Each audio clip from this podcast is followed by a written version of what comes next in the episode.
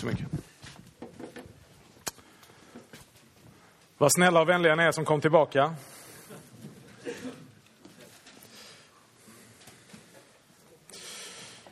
Nu ska vi se här.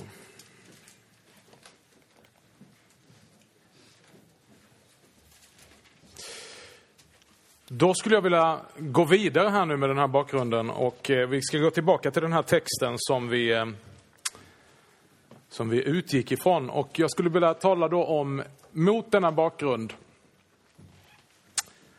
så vi kallar det predika, men innan jag talar om predikan så skulle jag vilja tala om predikans förvanskning. Vi läser från första Korinthierbrevet kapitel 1, vi läser vers 20 och 22. Var är de visa? Var är de skriftlärda? Var är den här världens ordvrängare?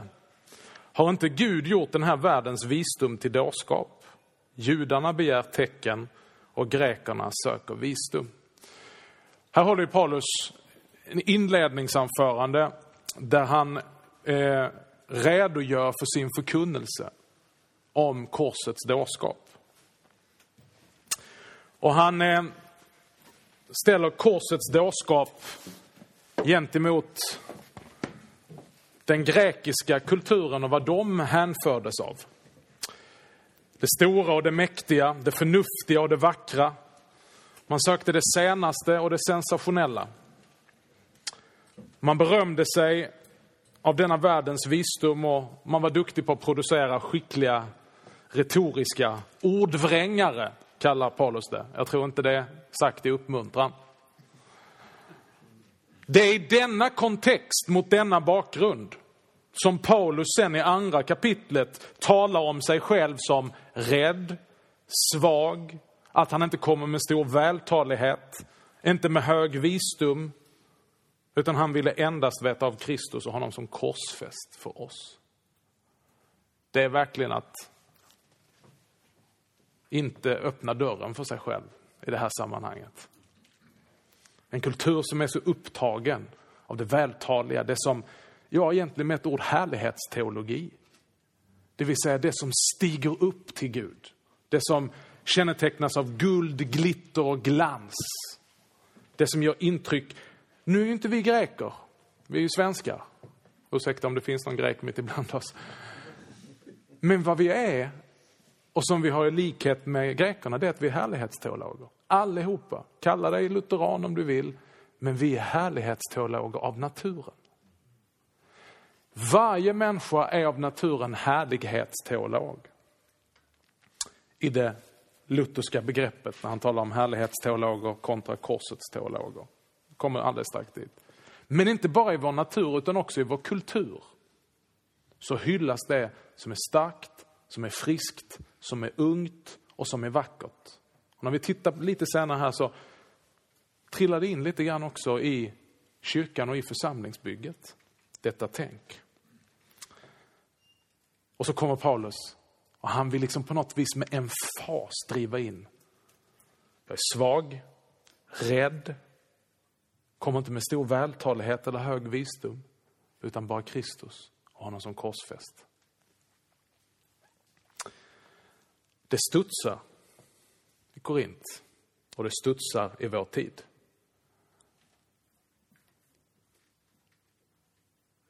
När man gör en sån resa som vi har gjort i vår församling så kan man ibland få höra kommentaren Syndernas förlåtelse och korset och nåd och nåd och nåd. Har ni inget annat vettigt att säga?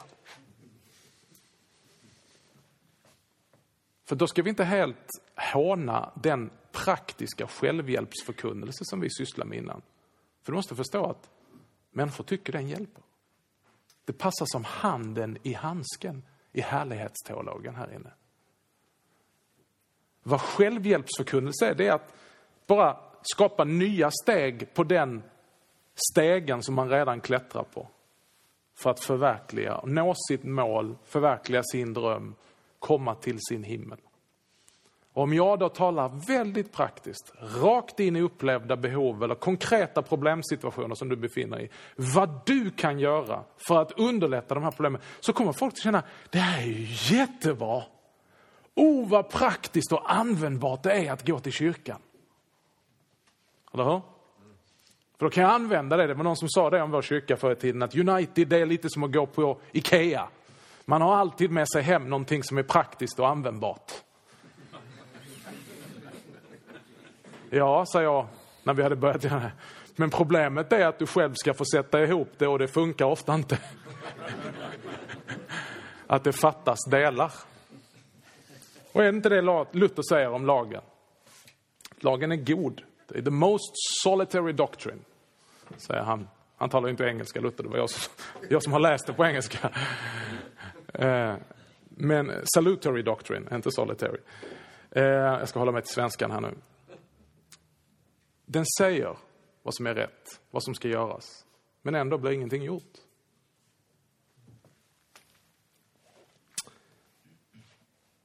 Så det är lätt att backa ifrån förkunnelsen om lag och evangelium. Och för att frestas av att se hur mycket folk det kommer och vilken direkt feedback man får om man bara gör förkunnelsen lite mer livsstilsanpassad, relevant. Vår kultur påminner på många sätt om Korint. Vi tillbedjer också någonting som påminner om grekernas mytologiska människogudar. Eller hur? Vår kultur, vi har våra hjältar, våra idoler, våra kändisar. Som inte är kända snart för någonting annat än att vara kända. Det är som vi har skapat oss den här, och det ska vara stort, och det ska vara vackert, och det ska vara framgångsrikt. Och det går rakt in i kyrkans värld. Tänk att vi från den världen där jag kommer, i alla fall i kristenheten, har celebrity, alltså kändispastorer. Ja, jag kanske också, jag vet inte om det är att skryta, det är antagligen förnedrande att säga det, men kanske jag har varit lite av en kändispastor själv. Där man kan åka runt och folk kommer bara för att du är känd pastor. Och varför blir man då känd pastor? Jo, för att man samlar mycket folk. För att det påminner om de här grekiska mytologiska människogudarna. Det är starkt, det är vackert, det är stort. Så man kan ju nästan tänka att något måste vara rätt med den kyrkan. Varför det? Därför att de samlar mycket folk. Men det är inte svårt att samla mycket folk. Om det är det viktigaste så har jag jättemånga tips vad du kan göra.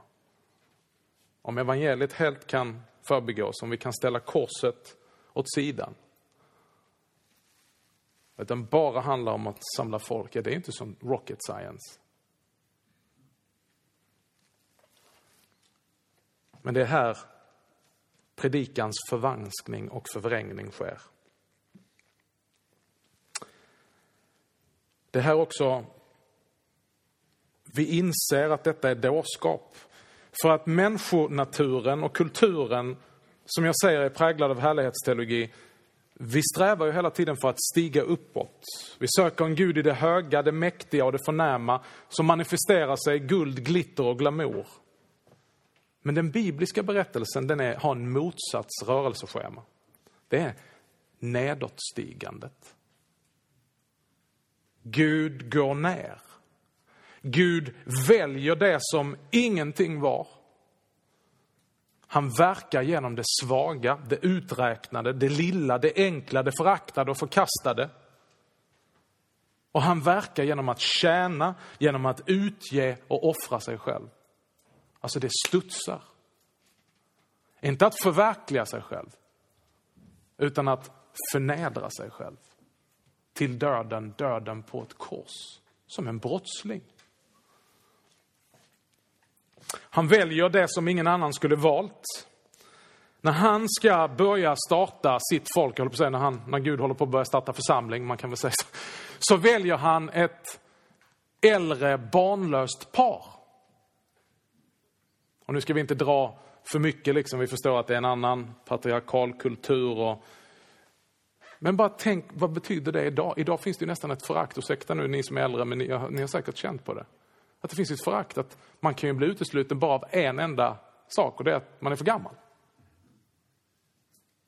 Alltså vi har ju helt snurrat runt. Det är inte så, det är inte heller smart när vi liksom börjar utveckla och tänka att vi lyssnar på någon bara för att han är ung. Det är ju galet. Det är en helt ny tanke för mänskligheten. Kom till vår kyrka, vi har en ung pastor. Jaha. Skulle det vara sagt i reklam? Utan det borde ju vara tvärtom. Vi borde ju börja förvalta. Inte för att skapa liksom nu någon sorts superior, utan att se hur de här generationerna kan löpa sida vid sida. Gud han väljer ett äldre par, jag ska inte försöka göra våld på den texten, men som är barnlösa. Tänk så utdömda de skulle vara i vår kultur. Och tänk vilken dårskap Gud säger, jag ska starta ett folk, mitt folk. Jag ska börja med det här barnlösa gamla pensionärsparet. Och genom dem ska hela världen bli välsignade. Gud, är det inte bättre att ta en viril, ung babusjka, höll jag på att säga.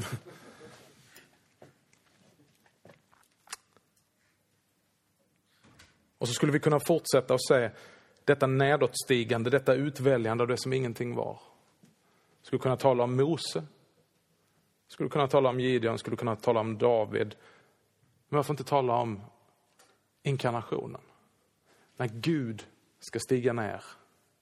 Detta som är väntat, om man väntar sig en Messias, och återigen präglat av härlighetsteologi, som ska komma som en mäktig konung. Öppna portarna så att konungen kan stiga in. Så kommer han som det mest hjälplösa som finns. Ett litet spädbarn, lindat i en krubba. Hälsa konungen välkommen. I en liten krubba. Ja, men det är ju klart att det här är ju dårskap. Där ligger världens frälsning. Världens frälsning som inte ens kan ta hand om sig själv, som behöver hjälp av sin mamma. Som inte kan ta hand om sina egna behov. Från krubban till korset så är det bara hela tiden ett nedåtstigande. Vi är härlighetsteologer. Vi vill ha en Gud, vi vill ha en kyrka, vi vill ha en pastor som är precis som de i Korint ville ha. Det är stort, det är mäktigt, det är förnuftigt. Om vi då gör en spaning av hur detta har påverkat predikan. Där vi går bort och vi väjer oss ifrån denna dårskapen. Så låt mig bara ge, och det här är inga riktiga kategorier, det är bara mina helt egna. Men jag, jag ser det som att jag gör en liten spaning, jag reser ganska mycket, ganska brett ekumeniskt. Och det här är lite vad jag fångar upp. Först har vi den betraktande predikomodellen.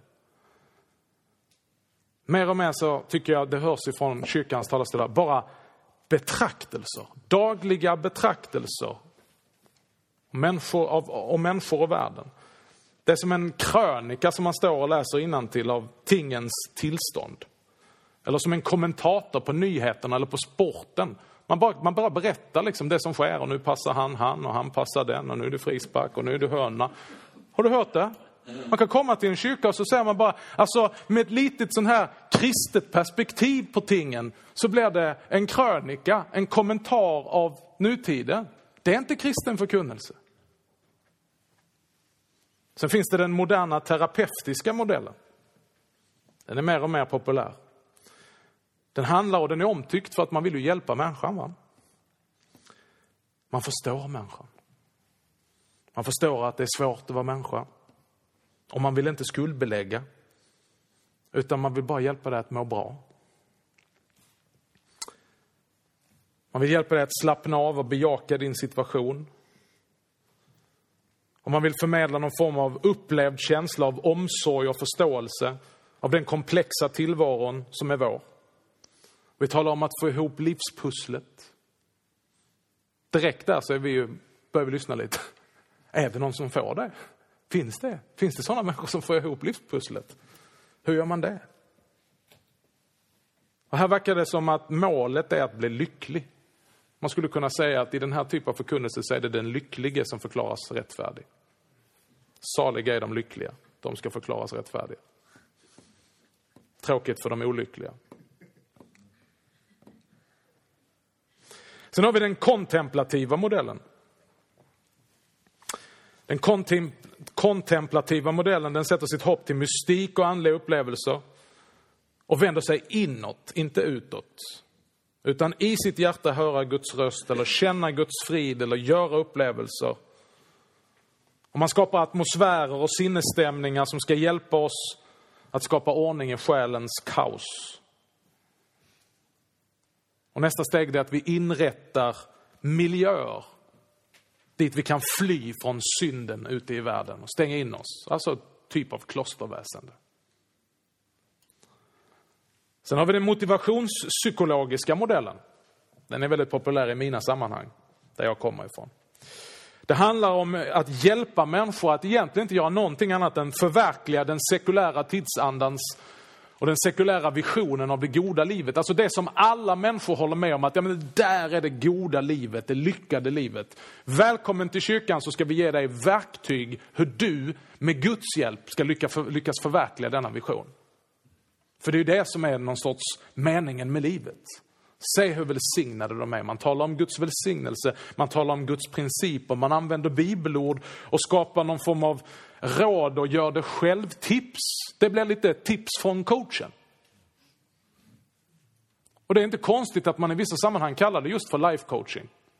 Nu är det här kanske lite färgstarkare i de frikyrkliga sammanhangen, men jag hör ju samma sak från så kallade lutherska sammanhang. Där det är egentligen bara ren och skär lagförkunnelse.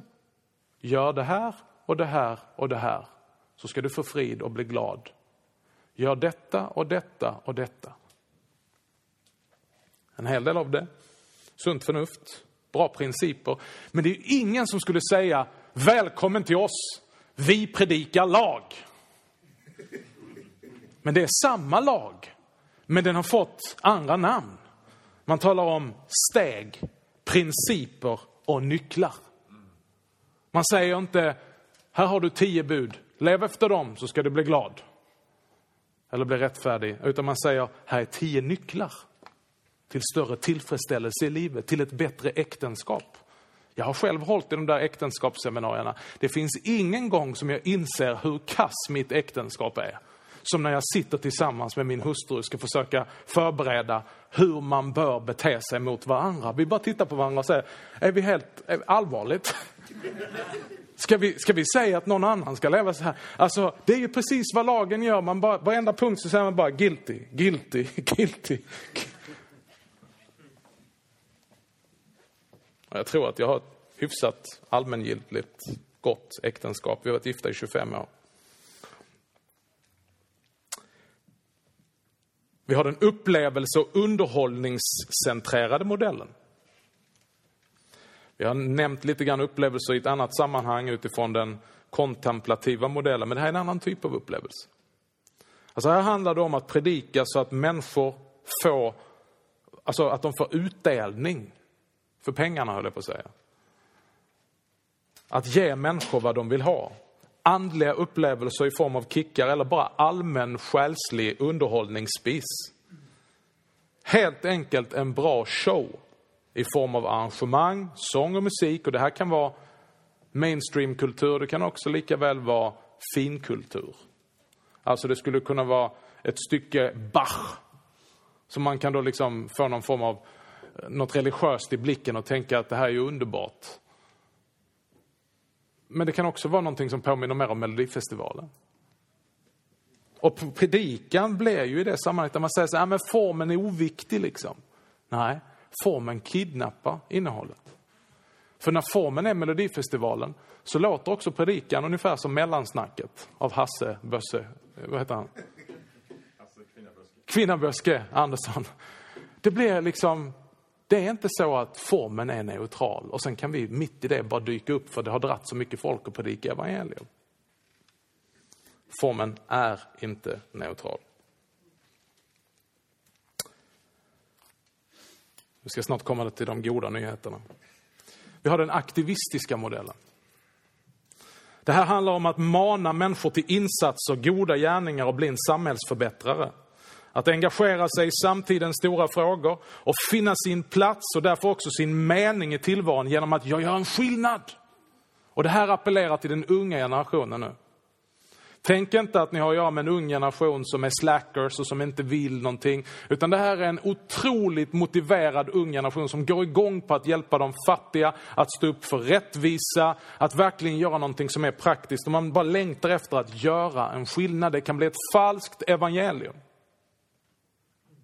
Att vi blir rättfärdiggjorda, inte av tro, utan av att göra en skillnad. Det är en gammal god gärningslära, men som har ett väldigt attraktivt yttre. För det är så svårt att angripa den. Ja, men vi kan ju inte säga att det är fel att de går ut och tar hand om de hemlösa. Och jag säger inte att det är fel, jag bara säger att det inte är evangelium. Det är gammal, hederlig, god aktivism men som skapar enorma åhörare och tycker att det här är bra. Har du inte hört det också? När man, vi gör det på tisdagarna, så vi, vi håller på med diakoni och tar hand om hemlösa och narkomaner och ger dem soppa. Och, men men vi, vi har sagt, vi gör ingenting utan att de måste också gå på mässa. Så vi börjar med mässa. Så jag välkommen till mässan. Först äter vi brödet och vinet, sen bjuder vi på soppa. För vi är inte bara kallade att ge soppa. Men vet du vad? Jag har så många medlemmar som, som säger äntligen! Det är det här kyrkan ska göra. Men då pekar de inte på mässan, de pekar på soppan. Det är därför Frälsningsarmén är så omtyckta. Vad heter det? Soup, soap and salvation. Va? Det är liksom, men det, då tänker vi inte så mycket på salvation, utan vi tänker att ja, det är ordning och reda med Frälsningsarmén. Det är så en kyrka ska vara. Enligt vad? men det appellerar aktivismen. Och så kunde vi se att när det handlar om miljöfrågor, rättvisefrågor, immigrantfrågor, det är på den liberala sidan, men på den konservativa, när det konservativa sidan är det minst lika mycket aktivism, men då handlar det om andra frågor. Det handlar om abort, det handlar om äktenskap, alkohol, alltså de här frågorna. Att nu ska vi stå upp, upp till kamp. Vi ska göra skillnad. Finns det inte ett sånt inslag i församlingen? Absolut, men här är det frågan om tågordning. Vad som är lok och vad som är vagnar. Vad som är orsak och vad som är verkan. Vad som är centrum och vad som är periferi. Men det är lätt att frestas att predika aktivistiskt eftersom det alltid ger en positiv respons. Det är väldigt sällan om vi säger så, nu ska vi hjälpa de fattiga. Det är väldigt sällan att folk ställer sig upp och säger bu. Eller hur? Och så har vi den förmanande, fundamentalistiska modellen. Jag säger fundamentalistiska inom situationstecken. Det är när man dundrar ifrån talarstolen mot samtidens synd och förfall. Man manar att ta ställning mot, hålla sig undan, dra bort från världens avfall. Och den erbjuder egentligen bara sektens utvalda lilla skara som kan frälsa dig från denna detta onda släkte. Det är fel på alla andra. Egentligen fel på de flesta av er. Egentligen bara mig det är riktigt bra med. Man uppehåller sig väldigt mycket, alltså egentligen det som, det som är beskrivningen som Augustinus och sedermera Luther också talar om, att vara inkrökt i sig själv, att det är ett tillstånd av synden. Men det är verkligen vad man är, man är inkrökt i sig själv hela tiden håller på att ta tempen på sig själv och dundra mot livsstilsfrågor. Sist men inte minst så har vi den föreläsande modellen. Den föreläsande modellen, det var nästan det vi hamnade i när vi gjorde vårt uppbrott ifrån den här sökarorienterade kyrkan vi var med, låga trösklar. Vi blev så fascinerade och gripna av bibelordet och den textutläggande förkunnelsen. Att hade vi inte mött det som jag menar är det lutherska stråket och som grep mitt hjärta, så hade vi blivit en sån här, för, vi hade gjort om hela kyrklokalen som man ofta gör i den reformerta traditionen. Och med reformerta menar jag inte bara den frikyrkliga utan den verkligen reformerta kalvinska traditionen. Excellent bibelläsning i många fall, men man har gjort kyrkan till en föreläsningssal till ett klassrum. Och man tror att frälsning kommer genom kunskap och mer kunskap och ännu mer kunskap. I bästa fall gör man om kyrkan till en bibelskola. I värsta fall gör man om den till ett studieförbund. Ett allmänt, liksom bara... Och det är där jag, vi, vi, vi på vår resa, därför liturgin blev så viktig för oss. Vi förstod att teologins rätta plats är i liturgin. Det är inte två olika saker, utan egentligen så är liturgi, det är teologi in action. Det är där. Där jag tänker att, hmm, fäderna hade någonting att säga där. Som Luther, liksom lite grann också, Ah, jag ska inte säga någonting om det förresten, för det. Men eh, där teologi inte förpassas till bara en klassrumsupplevelse och bara görs akademisk. Utan det får sitt uttryck i skarpt läge i liturgin. Att där formas. Där bibehålls, där uttrycks vad kyrkan tror, där fördjupas vad kyrkan tror. Med de här olika avarterna som eh, kan tala, beroende på vilka sammanhang vi är, olika till oss, så handlar det om för oss att på nytt se en reformation av att våga predika Kristus och honom som korsfäst för oss. Att inte förfalla eller hemfalla till den betraktande modellen, till den terapeutiska eller kontemplativa eller motivationspsykologiska eller underhållningscentrerade eller aktivistiska eller förmanande modellen, utan att predika lag och evangelium. Paulus säger i första Korinthierbrevet, och låt mig avsluta, gå in för landning. Eh, Jakob, Eh, vilken tid har vi? Att, eh,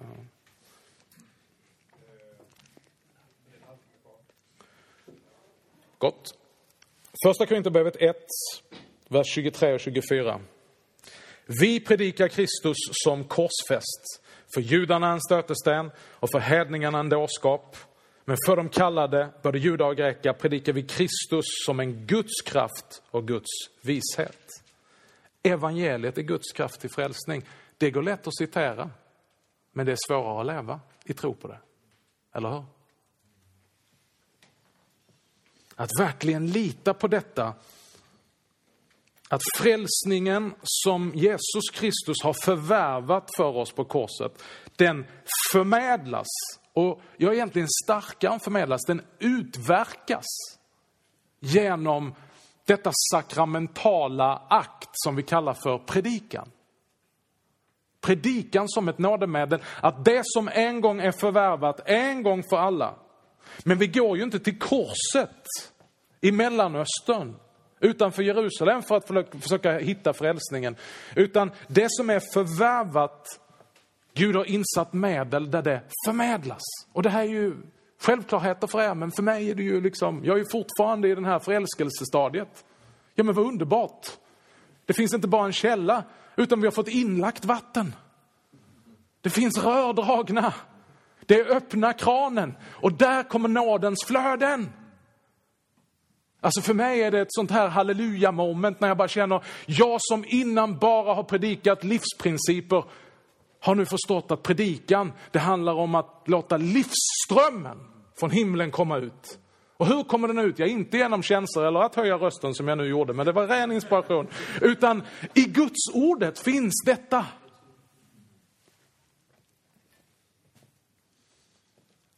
Och bara det att få vila i detta att predikan är en sakramental akt.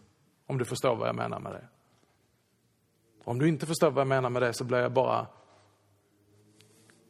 tar jag det som en, en uppmuntran.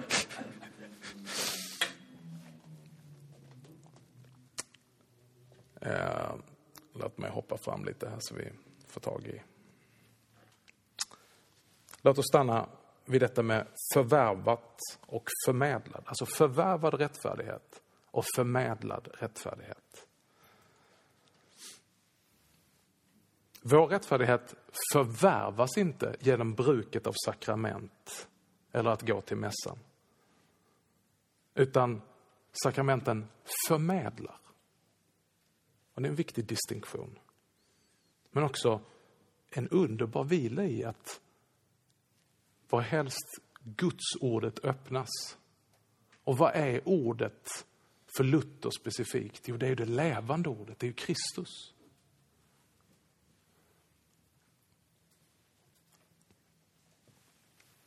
Jag tänker att här har vi någonting av någon form av kärna som vi skulle behöva. För det kan ju lätt fastna i bara bibelsynsdebatt. Och vi liksom kan ju till vansinne hålla på och hamra med sola scriptura. Vilket jag fullständigt är enig om. Men, men att tränga förbi det där och, som är självklarheter och säga att vad är ordets förkunnelse?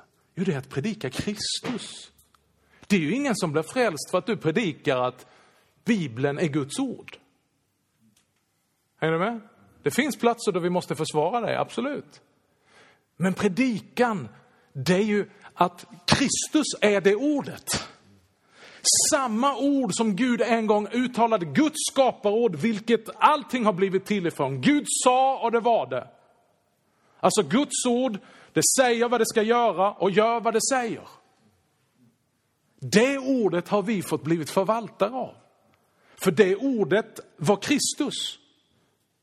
Och det är det ordet som har blivit kött och blod. Och som har förvärvat rättfärdiggörelsen för oss. Genom att under lagen göra det som vi misslyckades att göra för vår skull. Och på korset ta lidandet, straffet och vreden för vår skull. Och uppstå igen på tredje dagen. Och fara genom himlarna och sätta sig på Faderns högra sida.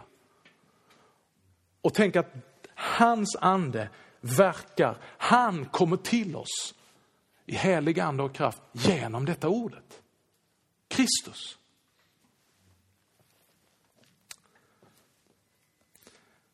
Vi läser från Stora katekesen igen. Kanske tjata om de här liksom som är standardverk för er och som du säger, men vi kan dem utan till Magnus. Ja, men jag kan dem inte utan till. Jag tycker det är lika spännande att öppna dem fortfarande. Tänk bara på, hör på vad, vad, vad Luther säger om, han talar i och för sig om altarets sakrament längst bak i boken. Men han säger så här, verket på korset har skett och syndernas förlåtelse är förvärvad. Men det kan inte på något annat sätt än genom ordet komma till oss. Det har skett, det är förvärvat, men det är genom ordet som det kommer till oss.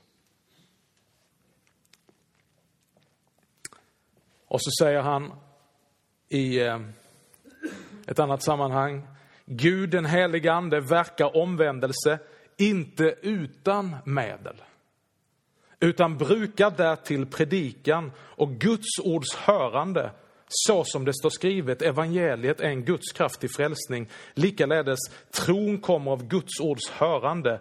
I detta ord är den helige ande närvarande och öppnar människornas hjärtan. Jag glider så sakta in på den andra frågan och vi kommer få, nöja mig med att säga vad tiden tillåter. Men hur påverkar detta församlingsbyggande? Ja, man börjar med att säga hur påverkar det pastorn? Så är det att vi har slutat med alla tricks och knep. Och funnit en vila i att evangeliet utför det evangeliet lovar. en förtröstan på att precis det vi läste här faktiskt sker. Guds ord säger vad det gör och gör vad det säger. Samma skaparord som säger var det ljus och det vart ljus. Därför så påverkar det lite grann hur vi predikar en helt vanlig söndag. Att vi predikar inte bara om Kristus, utan vi predikar Kristus. Kanske en liten hårfin skillnad tycker du, men en ganska avgörande skillnad. Alltså inte en föreläsningsserie om vem Kristus historiskt är eller vad han gjorde. En betraktelse över evangelierna, utan evangelium. Det är en deklaration, en proklamation, en tillsägelse.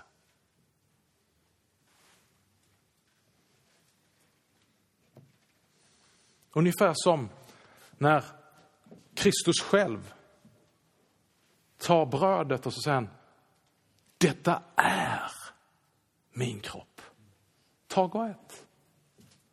Om vi nu tror att predikan också är ett nådemedel så är det egentligen på samma sätt som vi predikar Kristus.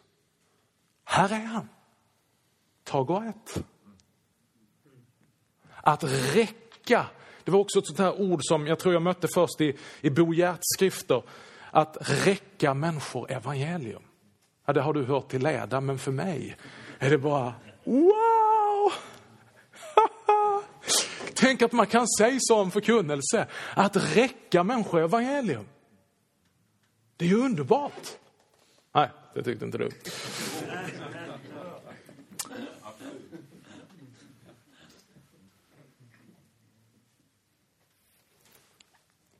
Vi tar det ett steg tillbaka och säger att, men okej, okay, hur predikar man då så, så att rättfärdiggörelse av nåd alena genom tron alena blir relevant?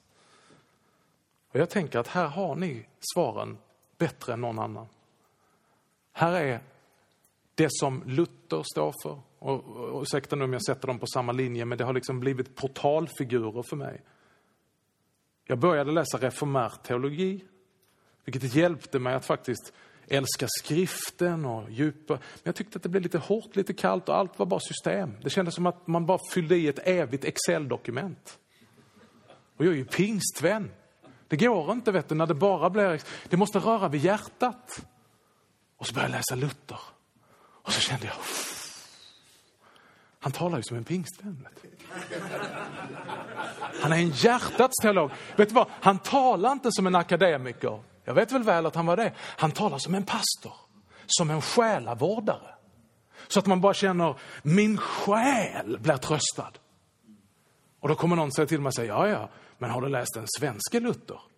Och så fick jag börja läsa Rosenius. Och folk skrattar i sådana här sammanhang. Men den första, eh, nej inte den första, men, men, men eh, det var en sån här samlad skrift. Nu finns den i sån här mindre, mindre pocket. Men eh, det som sen finns nu i den här mindre pocketen som, som heter Syndens dagliga plåga. Jag slår vad, det ska man inte göra i kristna sammanhang, men jag gör det ändå. Att jag har delat ut flest böcker i modern tid av den. Alltså den är standard. Jag vet inte hur många ex jag själv har slitit upp sig, inte för att skryta utan bara för att uppmuntra de som har någon sån här liksom remotely, Agnes är det för, okej okay, jag erkänner. men, men alltså det är ju, wow!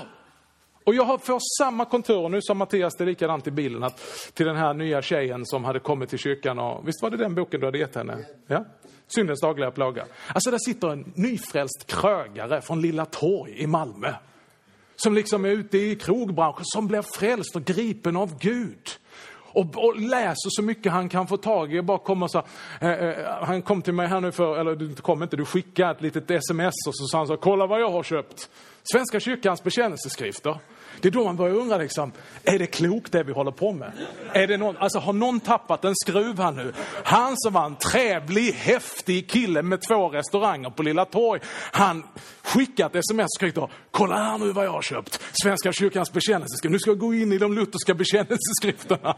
Och så sitter han igår kväll och säger, den här trevliga unga tjejen som har kommit till och hon hade reagerat på, på någonting i kyrkan. Och så berättar Mattias, jag gav henne syndens dagliga plåga. Och vet du vad? Hon går respons och säger, det var precis detta jag behövde höra. Halleluja. Varför det? Därför att detta är lag och evangelium. Den tredje portalfiguren för mig har varit Bo Gertz. Oh, vad jag kan ångra. Tänk, varför fick inte jag leva när han levde? Tänk om man hade fått möta honom. Och du som levde när han mötte, skäms. Du borde, du borde lyfta upp, och det vet jag att ni gör på den här platsen. Det är därför jag har fått möta honom. Men wow, här finns ju någonting att förvalta. Jag inte förvalta askan av Gerts Rosenius eller Luther. För vi söker inte Luther, vi söker den Kristus som Luther sökte. Amen. Men där finns modellen lag och evangelium. Och återigen, ungefär som vi börjar inleda och säga att rättfärdiggörelse, det är inte relevant, så vill man också säga lag och evangelium. Det är ju verkligen ett trångt sätt att se på Guds ord. Alltså det har ju gjorts, liksom det känns gammalt och förlegat och när vi nu då, eftersom vi är lite offentliga, går ut och talar om detta så, åh kära någon, vad synd om dig. Har du fastnat i det träsket? Men jag menar, och jag ser ju tecken på det i hur vi bygger församling. att det är precis det här som är relevant. Som ger genklang och som är, ja, vi säger ju inte bara det för att det är relevant, utan för att det är sant. Att Guds ord kommer till oss som lag och som löfte. Och det är det andra som jag tycker om med reformatorerna. Att man inte bara talar om evangelium och så säger man vad betyder evangelium? Goda nyheter. Ja, men det kan ju det finnas en dimension där som fattas. Att det liksom mer är information. Medan löfte, lag, det kräver. Löfte erbjuder, ger. Eller hur? Det är inte alla goda nyheter som jag direkt fattar att det är ett erbjudande till mig. Utan det kan ju bara vara någonting som har hänt. Eller hur? Som ändå inte berör mig, utan det är kul att det har hänt. Men löftet, det räcks mig. Amen. Jag går in för landning.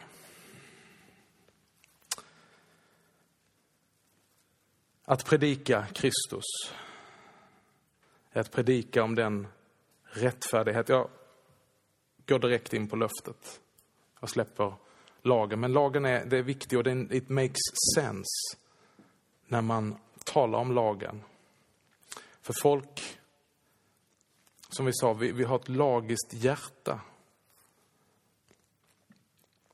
Och vill sträva efter att uppfylla vår egen rättfärdighet.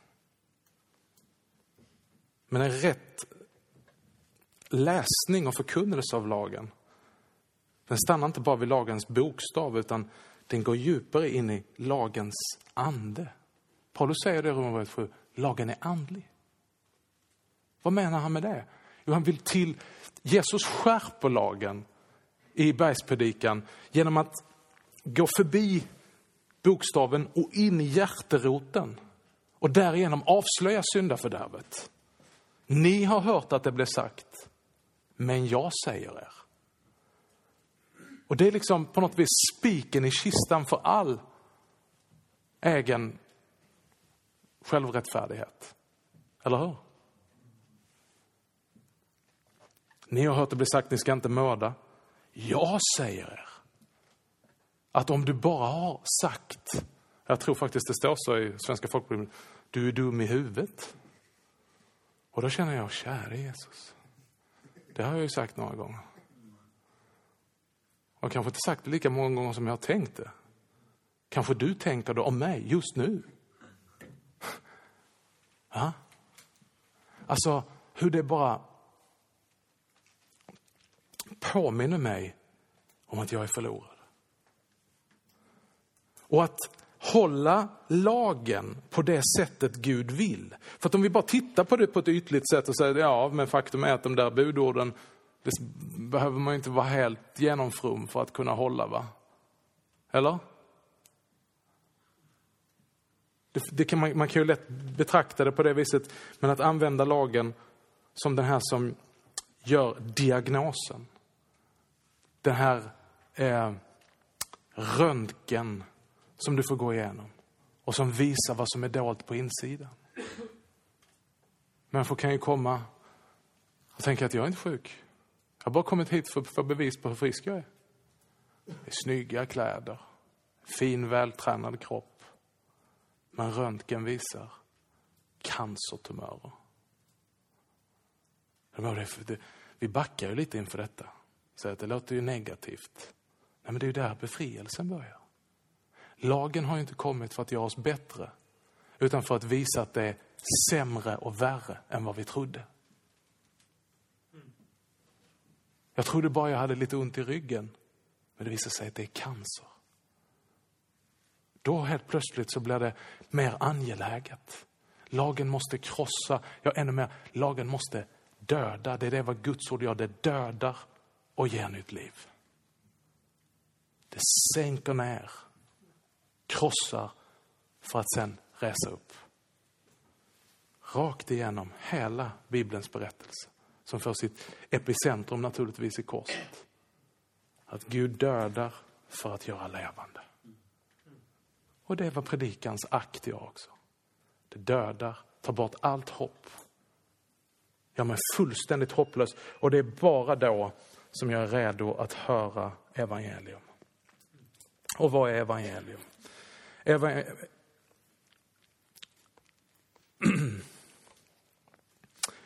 Innan vi kommer in på evangelium. När Rosenius har en kommentar om just Romarbrevet 7 så står det att när han fick höra lagen så, så slutade med Paulus skriver, och jag dog. Eller hur? Och han har en utläggning om det som är helt fantastiskt. Och så säger han precis, det, det, det, det är ditåt vi är på väg. Och jag dog, säger Paulus.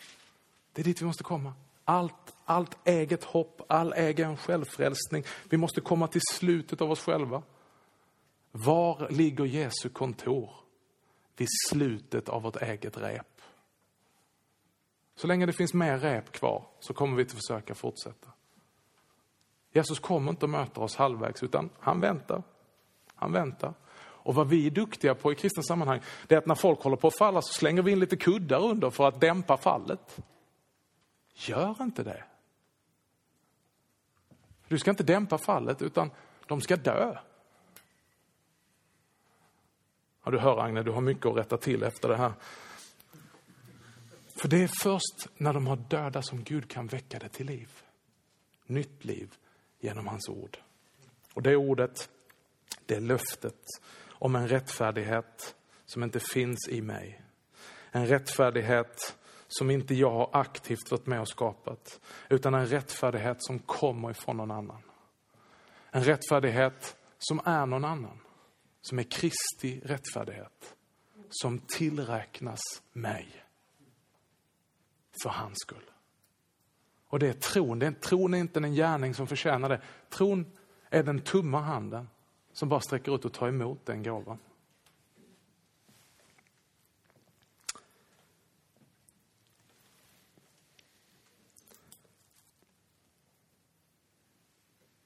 Abraham förklarades rättfärdig. Om Abraham förklarades rättfärdig på grund av gärningar, då har han någonting att berömma sig av. Men inte inför Gud. Ty vad säger skriften?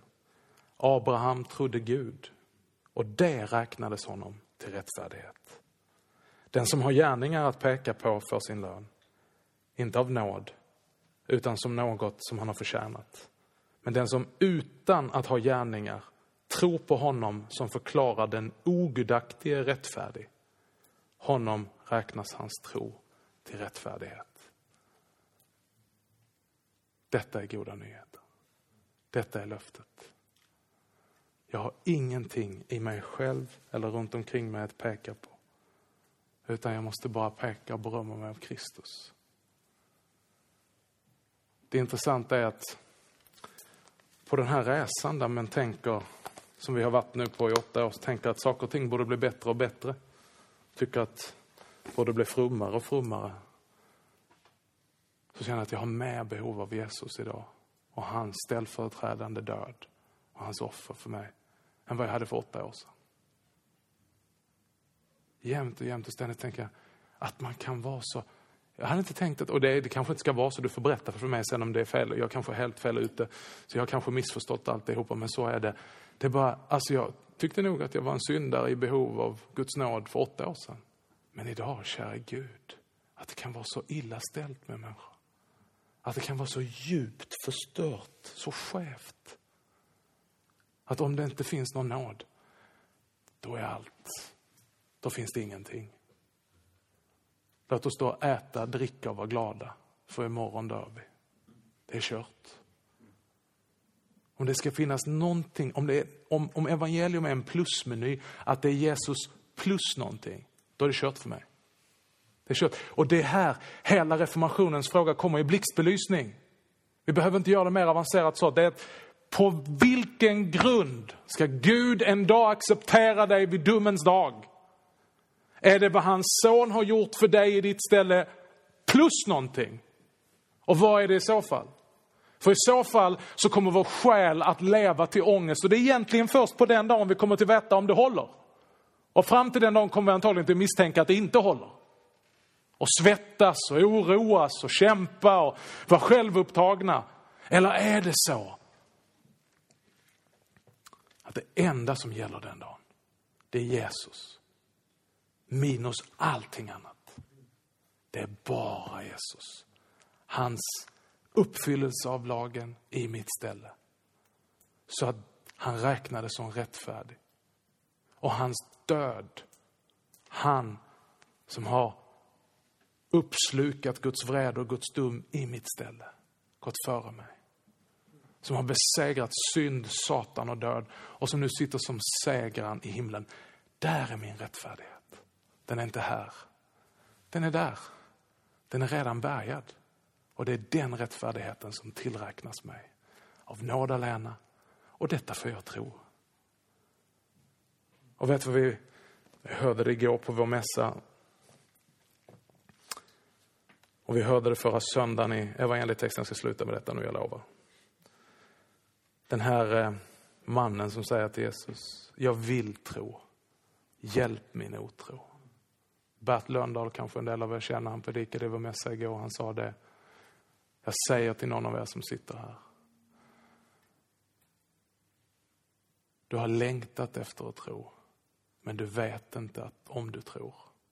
Men då har jag goda nyheter efter det, till dig. Din längtan efter att tro är en frälsande tro. För det är inte tron som frälser, utan den tar emot Guds gåva i Kristus Jesus. Detta är goda nyheter, mina vänner. Amen.